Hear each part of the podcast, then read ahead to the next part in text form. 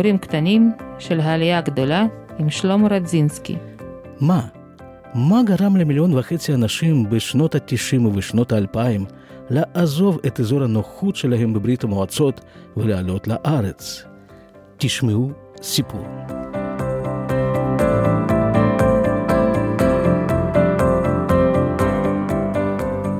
שלום למאזינים יקרים, היום אנחנו מארחים את רב יוסף דינקביץ'. שלום. שלום. כמה שאלות כלליות להיכרות כללית. בן כמה אתה, איפה אתה גר? אני בן 54 אוטוטו, ואנחנו גרים בבית אל. משפחה, אשתי היקרה, ויש לי חמישה ילדים. במה אתה עוסק? אני מורה. מורה למה? ליהדות, לתורה. איפה אתה מלמד? בישיבה שנקראת מכון מאיר. כמה זמן אתה בארץ? אני עליתי לארץ בתשנ"א, שזה 91, אם אני לא טועה, ב-9 לאוגוסט. בשנת 91. תשנ"א. באיזה גיל? אז הייתי, אני חושב, בן 24. איפה נולדת? נולדתי בעיר שאיננה, במדינה שאיננה. נולדתי בלנינגרד, שהיום היא כבר לא קיימת, במדינה שהיא לא קיימת, שנקראת ברית המועצות. ברוך השם שהיא לא קיימת. כן. רק להודות לאל. ואז אנחנו ב-1978, ההורים, ברוך השם, הייתה להם גבורה לנסות לברוח מהמקום הארור ההוא, אז אנחנו הגשנו את הבקשה להגיע לישראל. אני הייתי עוד בן 12, ואבא עבד במקצוע כזה או בעבודה כזאת שהיה סיכוי טוב שלא ייתנו לו, אבל ברוך השם, למרות שהרבה אנשים באותה שנה לא קיבלו, הרבה קיבלו, הרבה לא קיבלו, אבל קיבלנו מאוד מהר את התשובה, תוך 33 ימים, ממש בנס, רק להודות לשם. עזבנו את המקום הארור ההוא, אז דרך שצריך להגיע קודם לאוסטריה, ואז באוסטריה ההורים הכריזו שהם לא רוצים להגיע לישראל, אלא הצהירו בעצם, אלא רוצים להגיע לארצות הברית. ואז היינו שם איזה שלושה שבועות, ארבעה שבועות, משהו כזה, ואז עברנו לאיטליה, והיינו באיטליה כמעט חמישה חודשים, ומשם הגענו לארצות הברית. קצת על הילדות, זיכרונות, אולי זיכרונות ראשונות, מה אתה זוכר על הילדות בלנינגרד, עיר שלא קיימת? אני כרגיל, אני חושב, הלכנו לבית ספר. בוא ניקח כיוון יהדות. Mm-hmm. במשפחה שלך העניין, הנושא של יהדות היה איזשהו מודגש? לא, לא כל כך הייתי חושב. אני, אני חושב שהדבר ראשון, אני חושב שהילד שם למד על עצמו שהוא עברי. אז לכן אנחנו בוודאי ידענו שאנחנו יהודים, מגיל מאוד מאוד צעיר. אני, אני אומר אנחנו כי יש לי אח תאום. ו... תגיד, מי סיפר לכם, בבית או בחוץ? או הכריחו לכם להרגיש את עצמם יהודים? עכשיו, אני לא זוכר, אבל אבא מספר את הסיפור, שכאשר אנחנו היינו בגן ילדים, אז צריך להיות שהיינו בני חמש או ארבע, אז אבא מספר שהפעם הוא הלך לקחת אותנו מגן הילדים, ושם הוא נכנס והוא רואה שאני ואחי, אנחנו עומדים בצד ובוכים, בוכים, בוכים. אז הוא לוקח אותנו והוא שואל, מה אתם כל כך בוכים?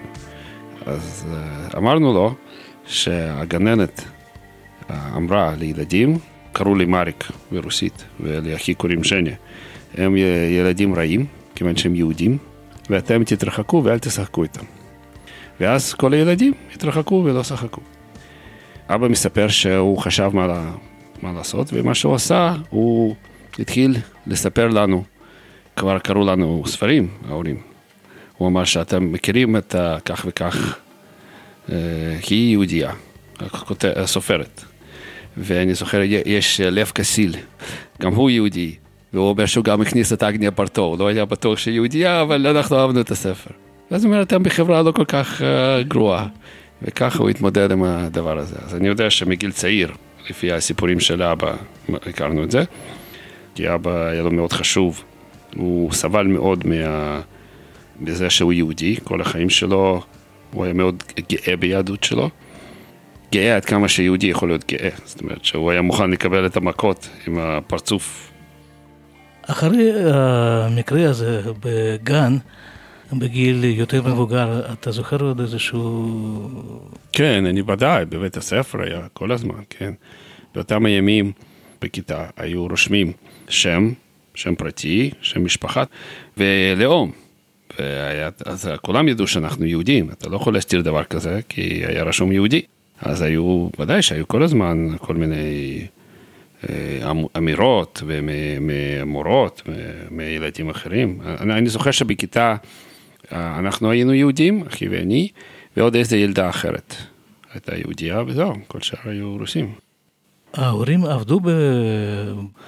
אבא הוא מהנדס ועסק במדע. יש לו דוקטורט, הוא איש אשכולות במדע, ממש אדם משכמו ומעלה. מתמטיקה יישומית, אני חושב שזה נקרא, זה התחום שלו. הוא גדול מאוד, היה מומחה גדול לסימטריות. ואימא הייתה מהנדסת. מה, מה היה הסטטוס שלהם בחברה, איזה מעמד? אבא לא היה איש מעמד. משכורות. כן, כיוון שהוא, היה לו דוקטורט, אז הוא קיבל משכורת אה, של דוקטור, דוקטורט, שזה פי שתיים מה שקיבלו אנשים אחרים. ואימא הייתה מהנדסת, הייתה כמו רוב היהודים באותה תקופה, אני מניח. כסף היה, אבל ברוסיה זה לא עניין של כסף, זה עניין להשיג. אז אה, כל עוד שסבתא הייתה בחיים, והיא נפטרה כשהייתי בן תשע. היו הרבה פרוטקציות, ואז אפשר היה להשיג בשר ולהשיג כל מיני דברים אחרים. כסף היו, למרות שאפשר לקנות, אבל אה, היה פוטנציאל לפחות לקנות. הדירה הקואופרטיב זה אומר שהדירה משלכם. כן, זה סבתא קנתה. לא קנתה, אבל בדיוק... אה, השיגה. כן, השיגה, כן. אה, בכל זאת, הסבתא שיכולה להשיג דברים, ואולי סבתא מצד אחר, אז מישהו מסר איזושהי מסורת יהודית למשפחה, להורים שלך? אני יודע שבפסח היא הייתה דודה של אימא שלי. אז היא הייתה הולכת לבית הכנסת בפסח ומביאה מצה. אז היה לנו מצה בבית, אבל יחד עם לחם, יחד עם כל שאר הדברים, לא יודע אם אני שמעתי בשבת, שבשבת לא עובדים, לא, לא דיברנו על זה. אני לא חושב שהיה עוד uh, כל כך, אולי קראתי בספרים קצת, אתה יודע עד כמה שהיה באותם ימים להוציא מהספרים. Uh, אני יכול אה, להגיד לך שאני תמיד האמנתי באלוקים, בגיל אפס, אני לא יודע למה, אבל uh, לא ידעתי מה זה. איך עשית את זה? לא יודע, אבל אני, לא היה לי הפרש בין אלוהים לישו, ודאי שלא הייתי כאילו מבדיל. האמנתי באלוקות. קראתי הרבה ספרים, כי ההורים שלי, ברוך השם, אינטליגנטים, אז היה הרבה ספרים בבית וכולי וכולי, ואני מניח שאתה קורא, אתה קורא על ישו, אבל לא האמנתי בישו כמו שהיום חושבים על ישו, אז בשבילי זה הכל ביחד, אבל אני זוכר שהיה לי תמיד פתיחות לאלוקות, ושיש איזה כוח עליון, ולא ידעתי מה זה, אבל אה, הכרתי אותו כאישיות. היה איזשהו הובי? הובי? אני אהבתי לקרוא על מטוסים. אבא שלי רצה להיות טייס כאשר הוא היה צעיר, כנראה זה אי אפשר היה, אבל האהבה הזאת למטוסים עברה אליי מאוד uh, חזק. אמרנו ש... שבעצם משפחה די מבוססת, עם הדירה וכולי. מבוססת לא הייתי אומר, אבל uh, כן, הם לא היו עניים, ברוך השם. איך על הרקע הזה הופיע פתאום רעיון לעזוב את הכל, ומה קרה? אני אגיד לך, אני אגיד לך. אבא מספר, הוא כתב ספר. הוא הכיר, בוא נגיד, נפתח לו. הוא הכיר עם מה הוא עוסק, מה זה השלטון הסובייטי. הוא סיים את הבית ספר בדיוק בזמן uh, של דיאו ורצ'י, בזמן uh, משפט הרופאים, וכל המכות שהוא קיבל מהמשטר הסובייטי, אז היה לו שנאה גדולה למשטר הסובייטי. אימא שלי אה, אבא שלה התנדב והלך לחזית להילחם מול טנקים עם מקל ואולי היה לו מזל בכמה בקבוקי מולוטוב. אני נקרא על שם שלו, אני יוסף על שם של אה, אבא של אימא, על סבא שלי. ואחרי חודש וחצי הוא פשוט נהדר, ואף פעם לא, לא ידעו מה, איפה. אז אימא תמיד הייתה לה שנאה המשטר הסובייטי. לאבא היה, הייתה עבודה מעניינת, כאילו הוא עסק במחקר, היו לו תנאים, תנאים לעשות את המחקר, והיה קשה, זו הייתה החלטה קשה. וזה היה, עכשיו יצאנו גם בלי כלום, כן, בהתחלה, כשעזבנו את ברית המועצות, אז היה לנו, אני חושב, 300 דולר נתנו להורים, או קצת פחות, ו-20 קילו, אני חושב, לנפש, אז היה 80 קילו של ציוד, ו-300 דולר, וזהו, וכל שאר הדברים, האדם משאיר מאחורה. אבל הם, כנראה, אבא אומר שהוא מאוד פחד על מה יהיה עם הילדים שלו. וגם הוא ידע שצריך לעזוב את המקום הארור ההוא, ואז הם עזבו את המקום הארור. אז הם יצאו עם, אה, בעצם, אה, עם שני ילדים, אתה ו... ואח שלך. אני עדיין לא, לא יכול לתאר, כל כך אה, עמוקה הייתה שנאה למשטר סובייטי מצד ההורים, מצד האבא, שהם החליטו ממש לעזוב את הכול. לשבור את החיים, כן. לשבור. כן, תשמע, אימא שלי סבלה כל החיים, כי אחרי המלחמה, האימא שלה, לא, היא עבדה במפעל פסנתרים, קרסני אקטברים, אתה מכיר? עכשיו, זה מאוד קשה, עבודה קשה, כסף לא היה. הם גרו, גרו בעוני, בדירה משותפת, שכל הזמן היו אומרים היהודים האלה, המסריחים וכל מיני דברים אחרים כאלה. גדלה בסבל גדול, אימא. גם אימא שלי, זיכרונה לברכה, היא הייתה אשת שפות. היא הייתה יכולה ללמוד שפות ורצתה ללמוד שפות. היא רצתה ללמוד uh, באוניברסיטה של שפות. בגלל שהיא יהודייה, אז מצאו איזה תירוץ שהבריאות שלה לא מספיק איתנה כדי שהיא תלמד את הדברים האלה. אז היא למדה שרטוט, ואחר כך uh, מזה היא למדה הנדסה בלילה. ככה אני חושב שפגשה את אבא, מיד אחרי זה. איך אתה בעצם בגיל 12 מודיעים לך שהנה אנחנו ממשפחה שלנו עוברת, עוזבת. אז פה ההורים שלי הם אנשים מעניינים, הם עשו את זה בחוכמה. קודם כל, תם הימים, אדם ש... עוד פעם, איזה שנה זה הייתה? 78. 78. כן, מה שהיה, זה קורה ככה, מי שרצה לצאת, היה צריך לבקש ממישהו יצא לפניו, שהוא הגיע לארה"ב או לישראל, לעשות לו ויזף. זאת אומרת, להמציא איזשהו סיפור שיש קרובי משפחה בישראל, והם מזמינים לאחד את המשפחות. היה עניין של איחוד משפחות עם משפחה בישראל. זאת אומרת שהמשפחה הזאת בישראל הייתה uh, שולחת הזמנה למשפחה בברית המועצות לבוא אליהם. עכשיו, כל הדור כמובן, עוד יותר מישראל, היה עובר uh, צנזורה, קג"ב. אז לכן ברגע שמישהו היה מקבל את זה, אז כבר כל הרשויות, הם מיד היו יודעים על זה שקיבלת את ההזמנה. ואז זה היה שלב ראשון, סימנו אותך כאויב אה, העם.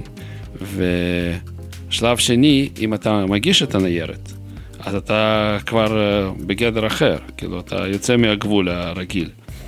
עכשיו, מה שהיה קורה גם, שהם עובדים בעבודה, היו עוד חברים. חלק מהם יהודים. אלה שהיו חברים שלך, היו מיד צריכים לבדד את עצמם ממך, ולא רק לבדד את עצמך, עצמם ממך, הם היו יכולים להיכנס לצרה בגלל שהם חברים של האויב שרוצה לה, לה, להגיע למדינת אויב, לישראל.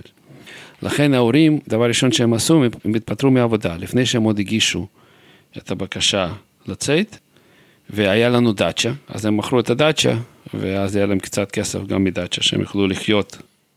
עכשיו, אף אחד לא יודע כמה זמן זה יכול לקחת לקבל תשובה. יש כאלה שחיכו חצי שנה, יש כאלה שחיכו יותר, יש כאלה שקיבלו סירוב, ובכלל הם היו תקועים בלי שום מקור לפרנסה. אה, אז אמרתי, אנחנו תוך שלושה, 33 ימים, זה אני זוכר מההורים, קיבלנו את התשובה. אז אה, הם אה, התפטרו מה, מהעבודה, כדי לא לגרום ליהודים שנשארו צרות, או ל, ל, למעט את הצרות ליהודים שנשארו. וגם הוציאו אותנו מבית ספר. הפסקנו ללכת לבית ספר.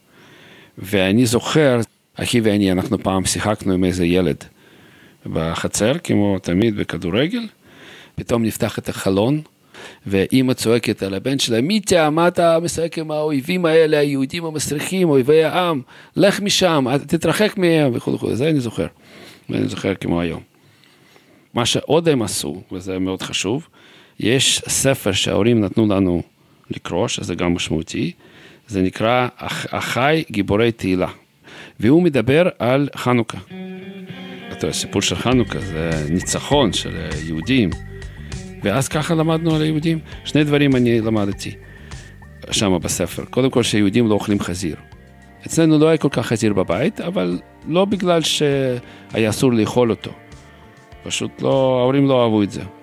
אבל אף פעם לא אמרו שאסור את זה לאכול, ואני אכלתי את זה שהייתי, כאילו, פה ושם, זה היה, אתה יודע, שם זה היה דליקטס. זה דבר אחד שאני למדתי מהספר. ודבר שני, שיהודים לא משתחווים, לפני לא אדם ולא לפני אלוהים. על הברכיים הם לא יורדים.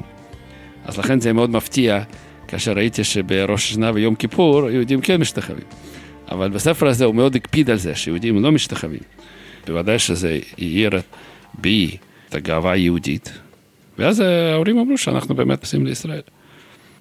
אז ככה הם עשו את זה. באיזה שלב הם אמרו את זה? אני מניח שחודש, אחרי שקיבלו אישור. הגעתם לארצות הברית, ומה ההמשך? אנחנו יצאנו בשלישי בדצמבר, 78 מברית המועצות. אז אמרתי לך שהיינו איזה שלושה שבועות באוסטריה, והגענו לאיטליה ממש לפני סוף דצמבר, אני מניח. היינו שם הרבה זמן, וההורים כבר התחילו מאוד מאוד לדאוג מה יהיה. לא שאלת, ממה חיינו? נכון, 300 דולר, אגב, ה-300 דולר גנבו מאימא בשוק. אז חיינו, אנחנו חיינו מכסף של ג'וינט, יש ארגון שתמיד uh, עסק בפדיון שבויים ובהעברה יהודים ממקום למקום והצלה של יהודים. ואז הם בעצם uh, פרנסו אותנו באיטליה, היו נותנים קצבה. כסף לא היה הרבה, לכן אנחנו חיינו, גרנו יחד עם עוד uh, שתי משפחות בדירה שמצאנו בזול. באיזשהו שלב קראו לאבא ואמרו שאה, זהו, היה צריך לקבל גרנט או גרנט, היה צריך לקבל שאיזושהי קהילה יהודית לוקחת אחריות על ה... כאילו מוכנה לשלם ולפרנס בימים הראשונים או חודשים הראשונים של הפליטים, היינו פליטים, נכון? אנחנו באמת היינו פליטים, יש היום פליטים מאפריקה. אז אנחנו היינו פליטים בברית המועצות וזה הסטטוס שלנו, לכן אני אזרח ארה"ב, כי הגעתי לארה"ב כפליט. ואם לא, אם אף אחד לא היה מקבל אחריות, אז היו זורקים את האנשים האלה לניו יורק. שם לכן הרבה מהפליטים אה, הגיעו לניו יורק, וניו יורק זו עיר גדולה, ולא היה שם טיפול באנשים כל כך, והיו נותנים להם איזה חודש ימים לשבת במלון, או חודש, חודש וחצי, ואחר כך עבודה, תמצא עבודה. אם אתה לא מוצא, זהו, זה לא, אף אחד לא ידבר איתך. אז אבא קיבל הזמנה לג'וינט, ואמרו לו שיש קהילה בעיר שנקראת נורווק, במדינת קנריקט, שמוכנה לקבל אותנו. אז אבא הסתכל במפה, אז הוא פתח ומסתכל על נורווק, הוא רואה, וואו, זה מקום קטנצ'יק. הוא אומר, איפה אני נמצא עבודה? אז הוא הלך. למי שטיפלה בו, בפקידה, ואמר לו, אני לא מוכן, לא מוכן ללכת למקום הזה. תביאו אותי לניו יורק, כי אני צריך למצוא עבודה, איך אני אמצא עבודה במקום כזה? היא אמרה לו, מה, אתה משוגע? אתה לא מבין מה שאתה מדבר. אתם משפחה ראשונה. יקבלו אתכם כמו נסיכים. אתה לא יודע מה יהיה, אתה, אל, אני לא מוכנה. אז הפקידה סירבה. אבא ניסה, אבא שלי, הוא, יש לו כוח, אחרת הוא לא היה מגיע לאן שהוא מגיע, יש לו כוח גברה. אז הוא ניסה, היא פשוט התעקשה ואמרה שלא, היא לא מוכנה. ואז אנחנו, אז לא הייתה לו ברירה, אין, אין, אז הוא, הגענו, ל, הגענו לנורווק, ובאמת זה היה ככה. זאת אומרת, היה סיפור מההפטרה, אם אתה תדבר עם האנשים שהגיעו לארה"ב בתקופה הכי מעטים מאוד יכולים לספר את הסיפור שאני יכול לספר לך עכשיו. אז אנחנו הגענו לשדה תעופה, פגשו אותנו אה, אנשים שהיו באמת נציגים של קהילה יהודית בעיר הזאת נורווק, ולקחו אותנו בשתי מכוניות, חילקו אותנו, ההורים, והביאו אותנו לדירה, הם כבר שכרו דירה בשבילנו. עם רהיטים, עם מקרר מלא. זאת אומרת, עשו שם מסיבה קטנה, קצת כוס לחיים, לא יודע אם וודקה או לא וודקה, אני לא, לא זוכר את ה... בטח חשבו שיהודים שותים וודקה, רוסים צריכים לשתות וודקה, לא יודע מה היה. אבל אה, זהו, ואז הם אה, עזבו אותנו והלכנו לישון. סדינים במיטות, וכמו שאמרתי, מקרר, והכל הכל מסודר. וילונות על החלונות, לא, לא, שום דבר לא צריך, הכל היה. למחרת הגיעו אנשים, התחילו להגיע אנשים על רגל, ולבקר אותנו. וכל יום היו עושים לנו uh, סעודה. כל יום הייתה איזו משפחה מהקהילה היהודית שהייתה מזמינה אותנו לסעודה. עכשיו, היום זה היה מאוד מדהים באותם הימים, במיוחד שאחי ואני uh, למדנו אנגלית בכיתה ה' ובכיתה ו', עזבנו בתחילת ו', נכון? דצמבר או משהו כזה. אז קצת יכולנו לדבר כאילו כמה מילים באנגלית, my name is, וההורים שלי, למרות שהם כל החיים למדו אנגלית, אבל ברוסיה הם היו מומחים איך לדבר אנגלית ככה שאדם יכול uh, ללמוד, לעבור את כל המבחנים ולא לדבר מילה, נכון? באמת אנשים התחילו להזמין אותנו כל, כל יום לסעודה, לפי הלו"ז, היה להם לו"ז, והם היו צריכים לקבל תור להזמין אותנו, והם רצו לראות מה זה הקופים האלה שהגיעו ברית המועצות. עכשיו זה היה מאוד נחמד לקופים, והם היו נחמדים, אבל לרוב האנשים לא הזמינו פעם, יותר מפעם אחת, פשוט רצו לראות. האמריקאים גם, במיוחד יהודים, אנשים שאוהבים לפתוח את הבית ולהזמין אורחים, וגם היה מעניין לראות מה זה, כאילו, באותם הימים זה התחלה, נכון? זה לא, לא הגיעו הרבה אנשים אז. אני זוכר כמה, כמה חודשים, כמעט לא היה לנו אה, ערב שלא לא היו מזמינים אותנו לאיזה סעודה. כסף קיבלנו מהקהילה הזאת. היה להם אה, קבוצות. אז קבוצה אחת הייתה אחראית על זה שיקנו לנו בגדים נורמליים. וקבוצה אחרת הייתה אחראית על זה שילמדו את ההורים להתכונן לרעיון. באמריקה הם צריכים עבודה בסופו של דבר. וחלק מהם היו אנשים ממש ממש אה, מיוחדים וטובים, ממש טובי לב, ועזרו. ו... וניסו ללמד את ה... תשמע, התרבות היא אחרת, באמריקה אתה צריך למכור את עצמך. ברוסיה אדם לא היה צריך למכור את עצמו. אז uh, להיכנס לראש הזה, ו... ועוד ללמוד באנגלית, ו... ולעשות את זה נכון. ואבא שלי, כמו שאמרתי לך, הוא לא היה איש uh, פרסום, בוא נגיד ככה. הוא איש חכם, איש נבון, איש... Uh, אבל הוא לא, לא אדם שמציג את עצמו כמו שאמריקאים אוהבים. הוא לא יכול להיות טראמפ, בוא נגיד ככה. אז זהו, אז לכן ניסו ללמד אותו גם את זה. אמרתי לך שבניו יורק היו זורקים אחרי חודש וחצי. פה אנחנו החזיקו אותנו כמה חודשים על חשבון הברון. למחרת או יומיים אחרי שהגענו, הגיעו שלושת הרבנים, רפורמי, קונסרבטיבי, אורתודוקסי, לתלות מזוזה אצלנו בבית. אני חושב שהרב האורתודוקסי קיבל את הזכות לשים את המכה בפטיש. והצילום בעיתון, כמו שצריך, ואבא החליט שהוא הולך לבית הכנסת. עכשיו, לא היה לנו אוטו, וכמו, התחבורה בארצות הברית היא מאוד מאוד דלה, תחבורה בערים כאלה, כאילו תחבורה ציבורית. ואני זוכר שהיינו הולכים עם אבא, שנה ראשונה כמעט, אה, היינו הולכים לבית הכנסת, אני זוכר שזה היה חצי שעה, הליכה. אה, הלכנו לבית כנסת אה, קונסרבטיבי, אני זוכר. א', אני חושב שזה יותר אה, מתאים, פשוט אה, פחות אה, מבדיל ומפחיד. האנשים היו יותר פתוחים. כל עוד שאנחנו גרנו באותו מקום, היינו פחות או יותר הולכים לבית הכנסת בערב שבת.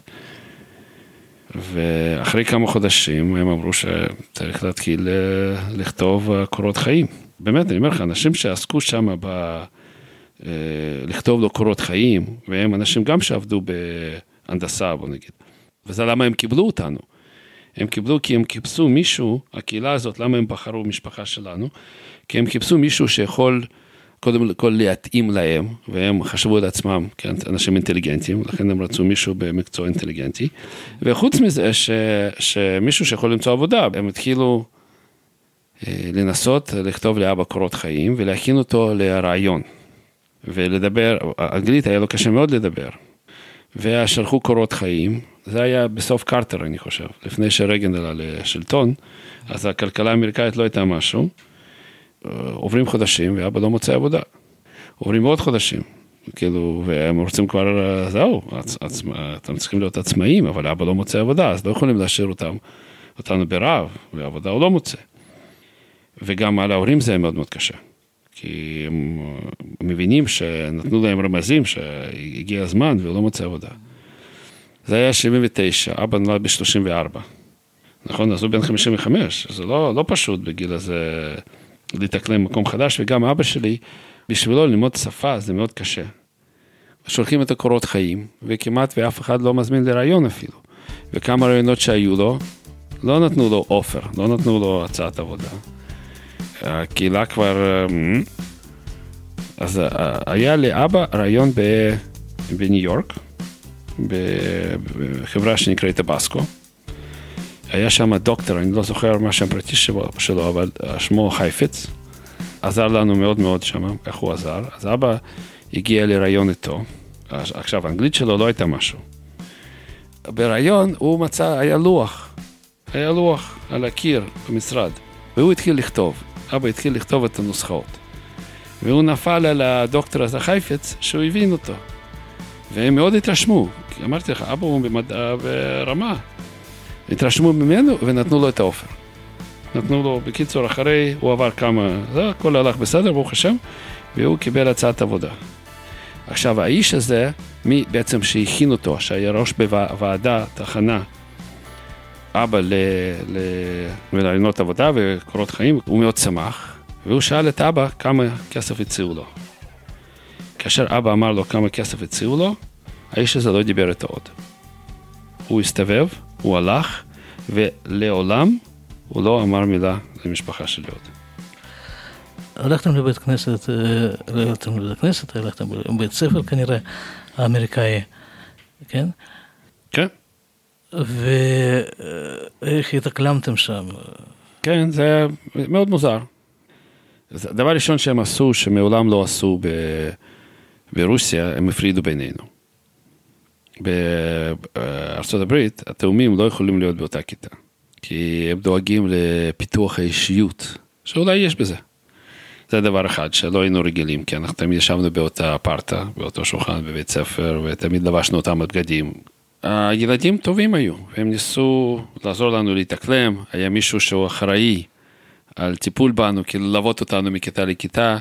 אני זוכר שכמה שעות אה, בבוקר למדנו בתוכנית שנקראת ESL, זה English as a Second Language, זאת אומרת לימדו אותנו אנגלית. עד איזה גיל היית גר באמריקה? אני חושב ש-24, אבל עכשיו אני עושה חשבון אולי 25. אה, קיבלת שם מקצוע, למדת כן, משהו? כן. מה, מה, מה המקצוע שלך? יש לי כמה. אני לא הייתי תלמיד טוב בתיכון, לא עשיתי כלום. לא ידעתי מה לעשות אחרי, אחרי תיכון. ואז אחי, שהוא תמיד הדריך אותי בחיים, עד היום הוא מדריך אותי בחיים, אה, אז הוא אמר לי, תשמע, אתה תמיד רצית להיות טייס, לך תהיה טייס. אז אמרתי, באמת? אני תמיד רציתי להיות טייס, והלכתי ללמוד טייס, באמת, הלכתי לא רחוק מהבית, איזה חצי שעה נסיעה. הייתה מכללה קטנה, community college, שלימדו שם טייס.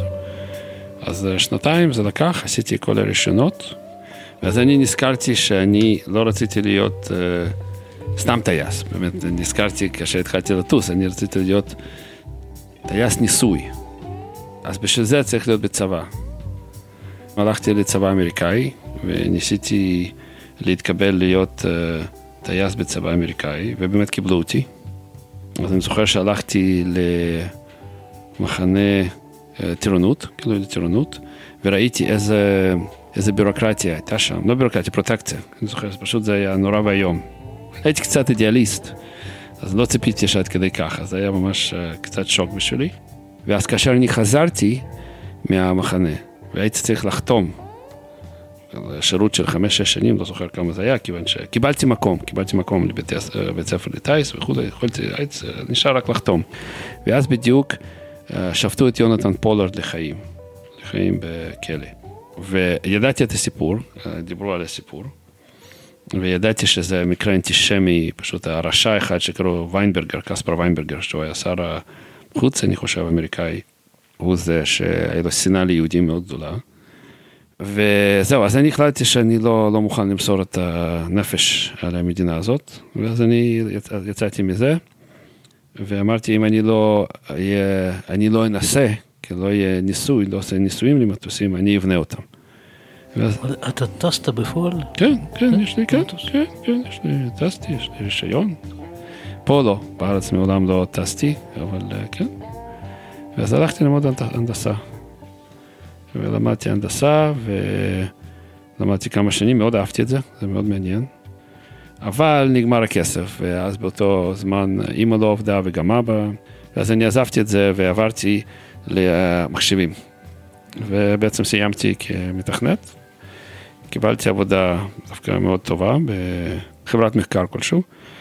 אז התחלתי לעשות תואר שני במחשבים. גם מאוד אהבתי את המקצוע. ובסוף, באמצע התואר שני, אני החלטתי סוף סוף לעלות לארץ. גם אחי אמר לי. ועליתי לארץ ולא סיימתי תואר שני. איך הגעת לרעיון הזה, לעלות לארץ? טוב, אז אבא שלי היה מאוד ציוני. זאת אומרת, זה שהוא לא נסע לישראל, אלא לארצות הברית, והוא היה רוצה לנסוע לישראל. אבל צריך לדעת מה הייתה ישראל אז. נכון, אנחנו מדברים פה על 78, זו מדינה קטנה. ב-73, ב-73, 72 אולי, משהו כזה, משפחת רוטשילד באה לכנסת ישראל, או לממשלת ישראל, והיא אמרה, אנחנו רוצים לבנות לכם על חשבוננו, על חשבון הברון, רשת טלוויזיה. כי לא היה טלוויזיה בארץ. ישראל, בעצם הממשלה או הכנסת גם, אז אני שמעתי על גלי צה"ל. מאיפה אני יודע את זה? מגלי צה"ל.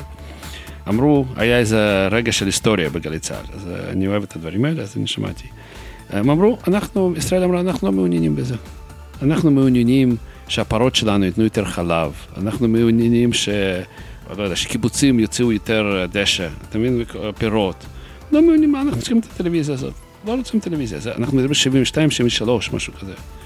ואז הם אמרו, לפחות תנו לנו לעשות טלוויזיה חינוכית. וככה התחילה הט- הטלוויזיה החינוכית. עכשיו, אנחנו מדברים פה על 78, חמש שנים אחרי זה.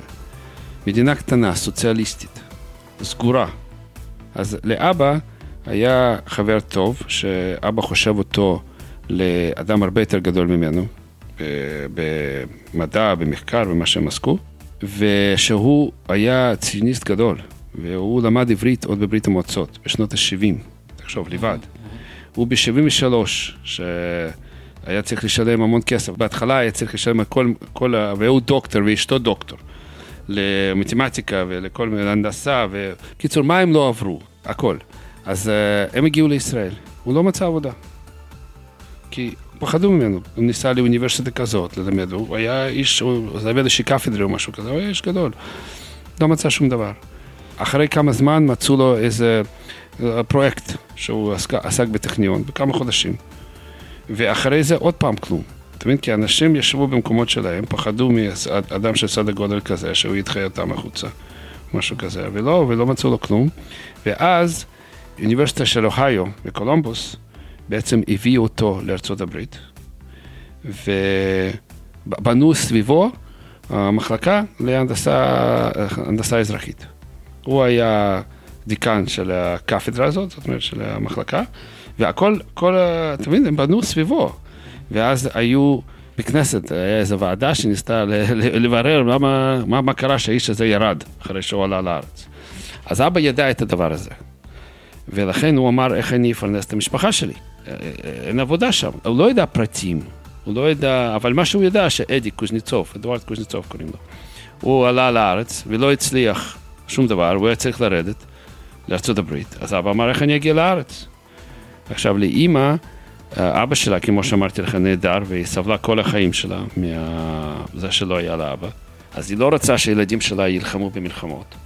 ולכן הם החליטו לנסוע הברית, אבל אבא מאוד רצה להגיע לישראל, מאוד רצה, אז, אה, אז לכן אני מגיל צעיר קשור לישראל, אבא שלי סיפר, אני זוכר שבאיזשהו שלב הוא החליט אה, שהוא יקרא לנו סיפורים, אז ביום שישי בערב, אמא אולי התחילו כבר להדליק נרות, והוא היה מנסה לקרוא לנו פרקים מהיסטוריה של ישראל ושל היסטוריה של יהודים, כאילו ללמוד בעצמו וגם ללמד אותנו גם.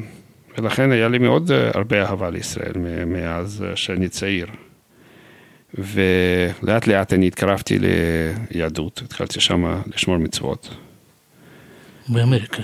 באמריקה, כן, הכל אה, לבד, אני לא היה לי רב, לא, לא הכרתי. מאיפה זה הגיע? אה, היינו בקטע שהלכתם עם האבא שלכם לבית הכנסת? כן, אבל זה נגמר. העבודה של אבא הייתה בניו יורק, וגרנו בקנדיקט. אה, לקח לו איזה שעה וחצי להגיע לעבודה כל בוקר. הוא מאוד פחד שהוא איבד את העבודה. כמה קשה היה לקבל עבודה, ועכשיו אף אחד לא יתמוך בו יותר. ולכן באיזשהו שלב הם החליטו שהם עוברים לניו יורק. ואז אנחנו עזבנו את אה, נורבוק, ועברנו לגור בפורסט הילס בניו יורק. ואז הפסקנו ללכת לבית הכנסת. בניו יורק, הורים ניסו להכניס אותי ואת אחי לבית ספר יהודי, זה בכלל לא הלך, גם לבית, לסנדי סקול מה שנקרא. זהו, הייתי פעם באילינוי, וככה זה התחיל. הלכתי בקניון ומצאתי ספר של הנדריק קרייץ. הנדריק קרייץ היה היסטוריאן של המאה ה-19 בגרמניה, של יהודים. הספר ישן, כזה יפה, אתה רואה שהוא ישן, אתה פותח אותו, יש לו ריח שהספר ישן, ואני, היה שם מגן דוד, אז זה עשה עליי רושם. אז קניתי את זה, והתחלתי לקרוא, וזה מאוד אהבתי, איך שהוא כותב, היסטוריה שלנו, כאילו, נגע בליבי. אז אני זוכר שלקחתי, הלכתי לאיזה רב בית הכנסת רפורמי, ושהיה לו מספרים על היד, אני זוכר, וקניתי... קניתי ממנו תנ"ך, והתחלתי לקרוא, פשוט קראתי לבד, ו... וככה לאט לאט נפתחתי לדברים האלה. בכל זאת, מה היה מוטיבציה, דחק, מניעה? למה עשית את כל זה? אני חושב שאני תמיד חיפשתי את האמת, אתה צריך להבין משהו. תשמע, אני באתי ממקום שנקרא ברית המועצות, נכון? אמרתי לך, מקום ארור, שהרוסים תמיד היו עבדים, נכון? הם התחילו מזה שהם הביאו את הרוריקים האלה מאיפשהו, נכון? למלוך עליהם, כי הם לא יכולים להסתדר לבד. ככה זה נמשך, נכון? כל ההיסטוריה, תחשוב גם היום, תשמע, הם קיבלו קצת חופש בזמן של ילצין, מה הם עשו? הביאו קג"ב, נכון? פוטין. זאת אומרת, היום הם עוד פעם עבדים. אתה מבין, עבדים תמיד היו עבדים ותמיד יהיו עבדים. הגעתי לארצות הברית. נכון? אז היית חושב שארצות הברית צריכה להיות מדינה משגשגת. אנשים צריכים להרגיש חופש שם. צריך להרגיש שהכל uh, הולך, נכון? אתה יכול להיות חופשי ולא לפחד. ברוסיה אתה פוחד. בברית, בארצות הברית, מה אתה מפחד? ואנשים לא יכולים ללכת בלילה. אני זוכר שאימא שלי עבדה, בסוף היא מצאה עבודה, היא עבדה בניו יורק, גם כן, ואני תמיד דאגתי שיש לה 20 דולר עליה, שטר של 20 דולר, שאם מישהו שם לה סכין בגב ותגיד לה, תביא לי כסף, שיש לה מה לתת. ואני זוכר שקרה לה פעם כזה דבר שלא לא עד כדי כך, אבל גנבו לה, כשמישהו רץ ב, על, על האסקלטור, שהייתה במדרגות נאות, יורדת, ומישהו משך ממנה את התיק שלה וגנב לה את כל מה שהיה. אז אני אמרתי לעצמי, מה קרה פה? כאילו, גם פה אנשים עבדים, רק הם עבדים בצורה אחרת. באותו זמן, אני זוכר שהייתי בתיכון, אנחנו למדנו social studies, למדנו על החוקה האמריקאית. ובחוקה האמריקאית כתוב שכל אדם יש לו unalienable rights. זאת אומרת, יש לו זכויות שאתה לא יכול לקחת מהם. כל אדם נולד, כל אדם, יש לו זכויות שהם שייכים לו, ואף אחד לא יכול לקחת ממנו את הזכויות. ואני התחלתי לחשוב, אבל זה לא עובד ככה. כי אם אדם היה חי באי בודד, אז זה נכון, אז כל אחד יש לו את הזכויות שלו, ואף אחד לא יכול למשוך ממך את הזכויות שלך, ואתה בסדר. אבל ברגע שיש עניין של החברה, האנשים, אחד משפיע על השני. ולזכויות של מי אתה דואג? נניח שאחד מזיק לשני, אז יש מזיק ויש ניזק. אתה דואג לזכויות של מזיק, או אתה דואג לזכויות של ניזק. למשל, אתן לכם דוגמה, השוטר, הוא רץ אחרי פושע. רץ, רץ, רץ, רץ, ופושע רץ, והם רצים, אחר כך הוא תופס אותו, ואז זה, זה נותן לו מכות, והוא נותן לו מכות, וככה הם שם מתגלגלים בבוץ. בסופו של דבר השוטר היה יותר חזק, הוא תפס את הפושע. עכשיו הוא צריך מיד, שהוא עושה לו, שהוא עוצר אותו, הוא צריך לקרוא לו, זכו, להגיד לו מה הזכויות שלו. עכשיו, הוא לא יכול להגיד לו בעל פה, למרות שהוא עשה את זה כבר אלף פעמים. הוא יודע יותר טוב מה אנחנו יודעים קריאת שמע. הוא צריך לקחת את הכרטיס, וכמו בספר תורה, הוא צריך לקרוא מהכרטיס. ואם הוא לא עשה דבר כזה, ואחר כך הפושע יגיד מה שהוא עשה, אז אפשר לומר שהזכויות שלו נפגעו, ואז אפשר לשפוט אותו על אותם הדברים שהוא הודה בהם. כי הוא לא ידע ש... אתה מבין? הוא לא ידע לברור. זאת אומרת, עוד פעם, יש לך זכויות של הפושע, ויש לך זכויות, אתה מבין? אז זה לא עובד. אמרתי, אז גם שם זה לא עובד, אז איך, איך הדברים יכולים לעבוד? אז ברית המועצות, אבוד, עבדים. ארה"ב, שזה לכאורה, לכאורה מדינה חופשית, גם היא עבדת. אתה מבין, כל הקונסטיטוציה שלה, כל החוקה, לא, לא כתובה בצורה אמיתית, כי זה לא נכון, הרעיון הזה שכל אדם יש לו זכויות. ואנחנו רואים את זה היום, עם פוליטיקלי קורקט, ועם מה שקורה שם, ועם ה-Black Life Matters וכל הדברים האלה, שזה לא עובד. ואז אני איכשהו מצאתי איזה ספר שדיבר שביהדות זה לא ככה. שיש ביהדות אדם, יש חובה של האדם כלפי קהל, קהילה, ויש חובה של קהילה כלפי אדם. וגם שבין אדם לחברו, אתה חייב כלפי השני. אם אתה מזיק לו, אתה צריך, ל, אתה יודע, לרפות וכל אותם דברים שתורה אומרת. ואני חשבתי שזה עובד, שזה מודל יותר אה, מתאימה. וזה גרם לי קצת ללמוד יותר על יהדות, וגם אמרתי, אמרתי לך שלקחתי, קצת למדתי היסטוריה, וגם uh, uh, למדתי, uh, כאילו כל הדברים האלה איכשהו, אתה מבין, היה כזה בוץ בראש, אבל ביחד זה קירב אותי יותר ויותר, והיו לי עוד אה, דברים שמשכו אותי ללכת לבית הכנסת, התחלתי קצת ללכת לבית הכנסת. איך הגעת אה, לרעיון והחלטה לעלות לארץ? אנחנו כמו יהודים אמריקאים טובים, אז ההורים תמיד היו הולכים, כמובן יחד איתנו, לבית הכנסת לראש שנה יום כיפור. ותמיד היה מדהים אותי שאת הז'וקים האלה, אתה יודע, אתה קורא את הסידור, בצד אחד כתוב באנגלית, ובצד שני יש את הג'וקים האלה, אותיות, אתה יודע, שנראים כמו כל מיני uh, חיות מיוחדות. עברית. כן, עברית. מאוד היה מדהים לי. ואני החלטתי שאני רוצה ללמוד עברית. לקחתי קורס באוניברסיטה.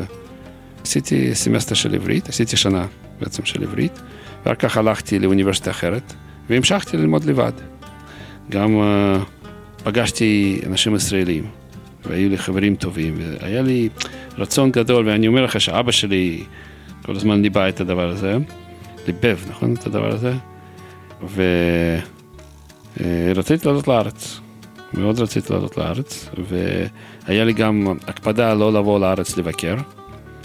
אני אמרתי שאם אני אעלה, אני כבר אעלה, אני לא, לא אגיע כדי לחזור, אם אני כבר מגיע, אני מגיע כדי לעלות. אחרי שאני סיימתי את התואר ראשון, כמו שאמרתי, אני הייתי תלמיד מצטיין באוניברסיטה, ואז אני קיבלתי עבודה בחברת מחקר. זכיתי לעבוד בבלקור. אז זו הייתה חברה בעצם של הפיתוח, חברה מחקר ופיתוח, וקיבלתי שם עבודה, לא קיבלתי עבודה כמתכנת, הם ידעו שאני מתכנת, אבל נתנו לי עבודה שלא בדיוק של מתכנתים, ובהתחלה זה הלך טוב, כי זה היה קשור לתכנות. באותו זמן הייתי עושה תואר שני, זאת אומרת, אה, קיבלתי הרבה כסף מהם, וגם עוד אה, שילמו על האוניברסיטה. וגם נתנו לי יום חופשי, לא הייתי צריך לעבוד חמישה ימים בשבוע, מספיק ארבע. ויום אחד תלמד באוניברסיטה שהם משלמים. אה, אבל רציתי לעלות לארץ, הלב שלי כבר היה, אני זוכר שאני ישבתי שם ואמרתי לעצמי, מה אני עושה פה כאשר יצחק שמיר בונה את ה... אתה יודע, את ה... אבל אני אמרתי, איך אני יכול לעזוב את ה... אתה מבין, יש לי תואר שני, אני יכול לעשות ככה, לסיים אותו. וגם משכורת טובה, ואיך אני עוזב את ההורים שלי. אז זהו, אז אני לא, לא ידעתי איך לעשות את המעשה הזה. ואז אחרי אה, כמה זמן שעבדתי בחברה, אולי כשנה, קצת יותר, עשו שם אה, פירוק של המחלקות והעבירו אותי למחלקה אחרת. ובמחלקה האחרת הזאת, הבוס שלי היה איראני, מוסלמי איראני. אה, אבא שלי אמר לי, תהיה חכם. תדע לך שאתה צריך להיות חכם פה. אמרתי, אבא, מה אתה מדבר? אנחנו פה חברה בינלאומית, מחקר, אבל העיקר שבאיזשהו שלב הוא התחיל לחפור תחתי, ואני לא, לא ציפיתי לזה בכלל. עכשיו, אני צריך להגיד שאני, עוד לפני זה, אני כבר הלכתי לסוכנות, והוכחתי שאני יהודי, וכבר הפעלתי את ה... היה לי אישור לעלות לארץ. ואז הם התחילו פיטורים שלי, והייתה לי אפשרות או להילחם, או לצאת. ואז אחי אמר לי, נו, מה, מה אתה רוצה? אתה תמיד רצית לעלות לארץ, אז תנסה ותראה מה קורה. אז כמו שאמרתי, הוא תמיד מדריך אותי בחיים. אז אני אמרתי, בסדר. אז אני אה, עליתי לארץ. אז תודה לו, לרשע הזה. אז אני פה בארץ. עכשיו, אני בדרך כלל, אני שואל ברעיונות האלה, שיש מושג הגירה, אמיגרציה, ויש מושג עלייה. אז אתה זכית לעבור את שני השלבים האלה, שני התהליכים. אתה יכול איכשהו להשוות ביניהם, בין הגירה לאמריקה ועלייה לארץ.